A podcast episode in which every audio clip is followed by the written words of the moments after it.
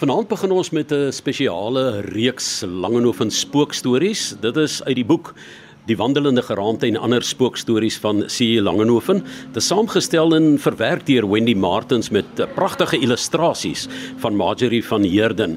Die voorleser wat ehm um, alla die spookie van Langehoven moet optree is Johan Nel en so teen 20 voor 10 se kant al kan jy begin inskakel net na vers en klank vir die reeks wat tot en met die Dinsdag voor Valentynsdag gaan loop.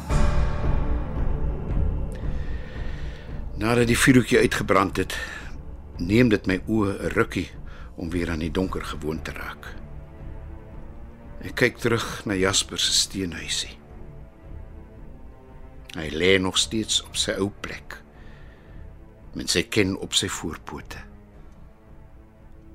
En hy kyk vir my.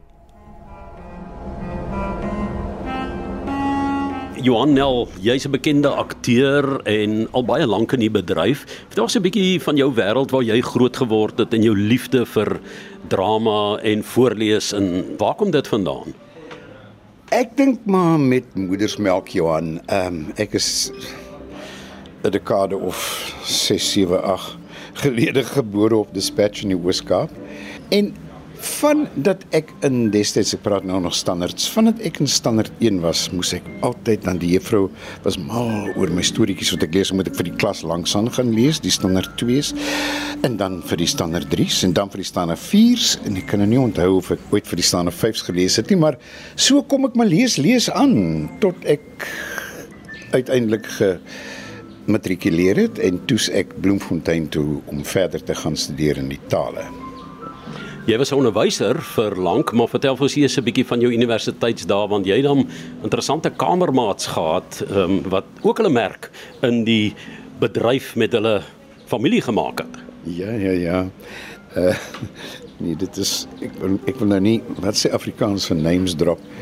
Maar ek en Leon Schuster het saam geswat, Afrikaans, Engels en 3 en saam met ons was sy neef Brian Grimbeek wat my kamermaat was. En toe een aand toe ons kerk toe, glo dit nou of nie?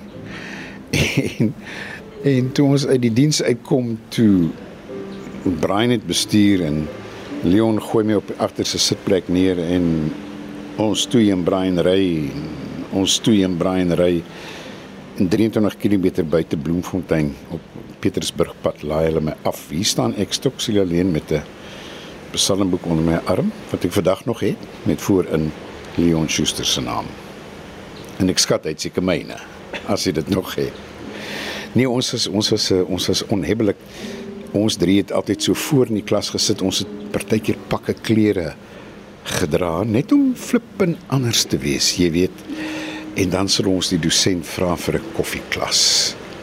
En dan het ons so so handsome gelyk ons het al in die koffieklas gekry. ja, en Leon uh, baie geliefd natuurlik ook in die vermaaklikheidsbedryf.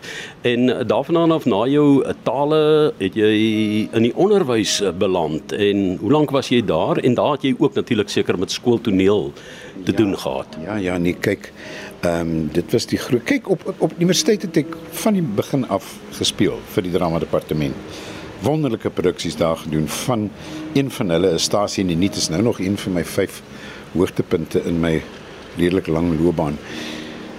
En toe kom ek by gimnasium in die Parel waar ek Engels gegee het en ehm um, eerste jaar, tweede jaar het ek maar basies herstel van die skok. En toe begin ek nou my voete vind en ek hoor van die ATKV tiener toneel en En daarvoor het ons ingeskryf en 1 jaar nasionaal gewen en ek het 'n hele klomp medaljes beste regisseur gekry. En later van jare toe beoordeel ek die ATKV tienertoneel, maar laat ek jou net sê Johan, ek sou nie meer vandag wen nie. Dit het so verander. Die kinders se werk het so kreatief geraak en so professioneel en duur. Ons het maar gespeel met 'n krummeltjie wat die hoof vir jou gegee het, jy weet, uh Ons het nie rookmasjiene gehad nie. Ek weet nog ek het daar afgegaan in die industriële gebied van die Parel en 'n emmer droë ys gekoop met 'n fan, met 'n waier en dan moet die waier nou hierdie droë ys rook oor die ja, deesdae druk jy knoppie en jy hele verhoog is toe gemis. Thank you 'n brief van Kerneels. My naam is Kerneels. Dis nie ek wat met jou praat nie. Dis my spook. My regte naam is Cornelis Jakob Langenhoven. Jy lag verdiet. Ek weet as 'n mens mooi na Langenhoven kyk, beteken dit langkop. So eintlik is ek Kerniels Langkop. Jy doen vir ons die reeks oor Langehoven, die voorlesings. Was jy weer eens verras deur die brein van Langehoven wat hierdie storieetjies op sy eie soortige manier vertel en uitbeeld? Man Johan, vir my was die grootste uitdaging aan die stories die feit dat ek glad nie in spooke glo nie. Glad nie. Ek glo nie 'n woord wat Langehoven geskryf het nie. Maar ehm uh, mense dit net maar vertolk na die na die beste van jou vermoë en jy het jou verbeel. Ek meen ek het hier en daar my hare gereis nie omdat ek in spooke glo nie, maar omdat Langehoven dit so mooi vertel het. Jy weet. So nee, dit dit was vir my heerlik geweest, eerlikwaar. Ek kan nie wag om die uitsendings te hoor nie. 'n hele reeks in Januarie en die eerste 2 weke in Februarie tot die 13de Februarie, die dag voor Valentynsdag wat ons nog spookstories gaan vertel en spooke gaan opjaag op RSG. Dit is in kortom en jy kan daarna luister met die voorlesings van Johan Nel. Johan, ek wil tog net vir jou vra, Wendy Martins het gesê sy het 'n bietjie geskaaf van die tekste. Jy het al voorheen ook um, met Langehoven tekste te doen gehad. Nou die oorspronklike tekste kom uit 1933 uit, né, uit versamelde werke. Dis fenomenaal dat dit van vandag nog eintlik weerklank vind en dit lekker is om te lees en aan mense oor te dra. Ja, ek dink daar moes iets met die taal gebeur het. Wendy het of geskaaf daaraan, maar jy kry glad nie die gevoel ek meen my Bybel is nog nie 1933 vertaling. Ja, nee, ek dink hierdie taal is is is is is opgezoop te Afrikaans. Nee, dis dis lekker, lekker lees, lekker praat moderne Afrikaans.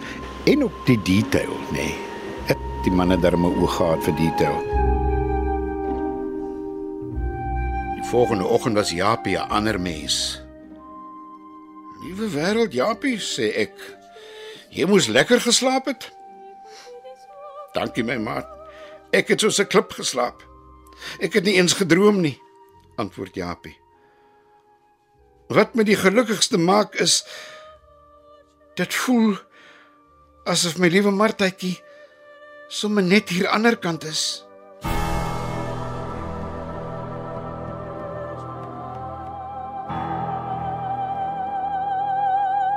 In kortom op RSG luister ons na 'n reeks kortverhale uit Die wandelende geraamte en ander spookstories van C.J. Langehoven. Ek kyk terug na Jasper se steenhuisie. Hy lê nog steeds op sy ou plek met sy ken op sy voorpote en hy kyk vir my.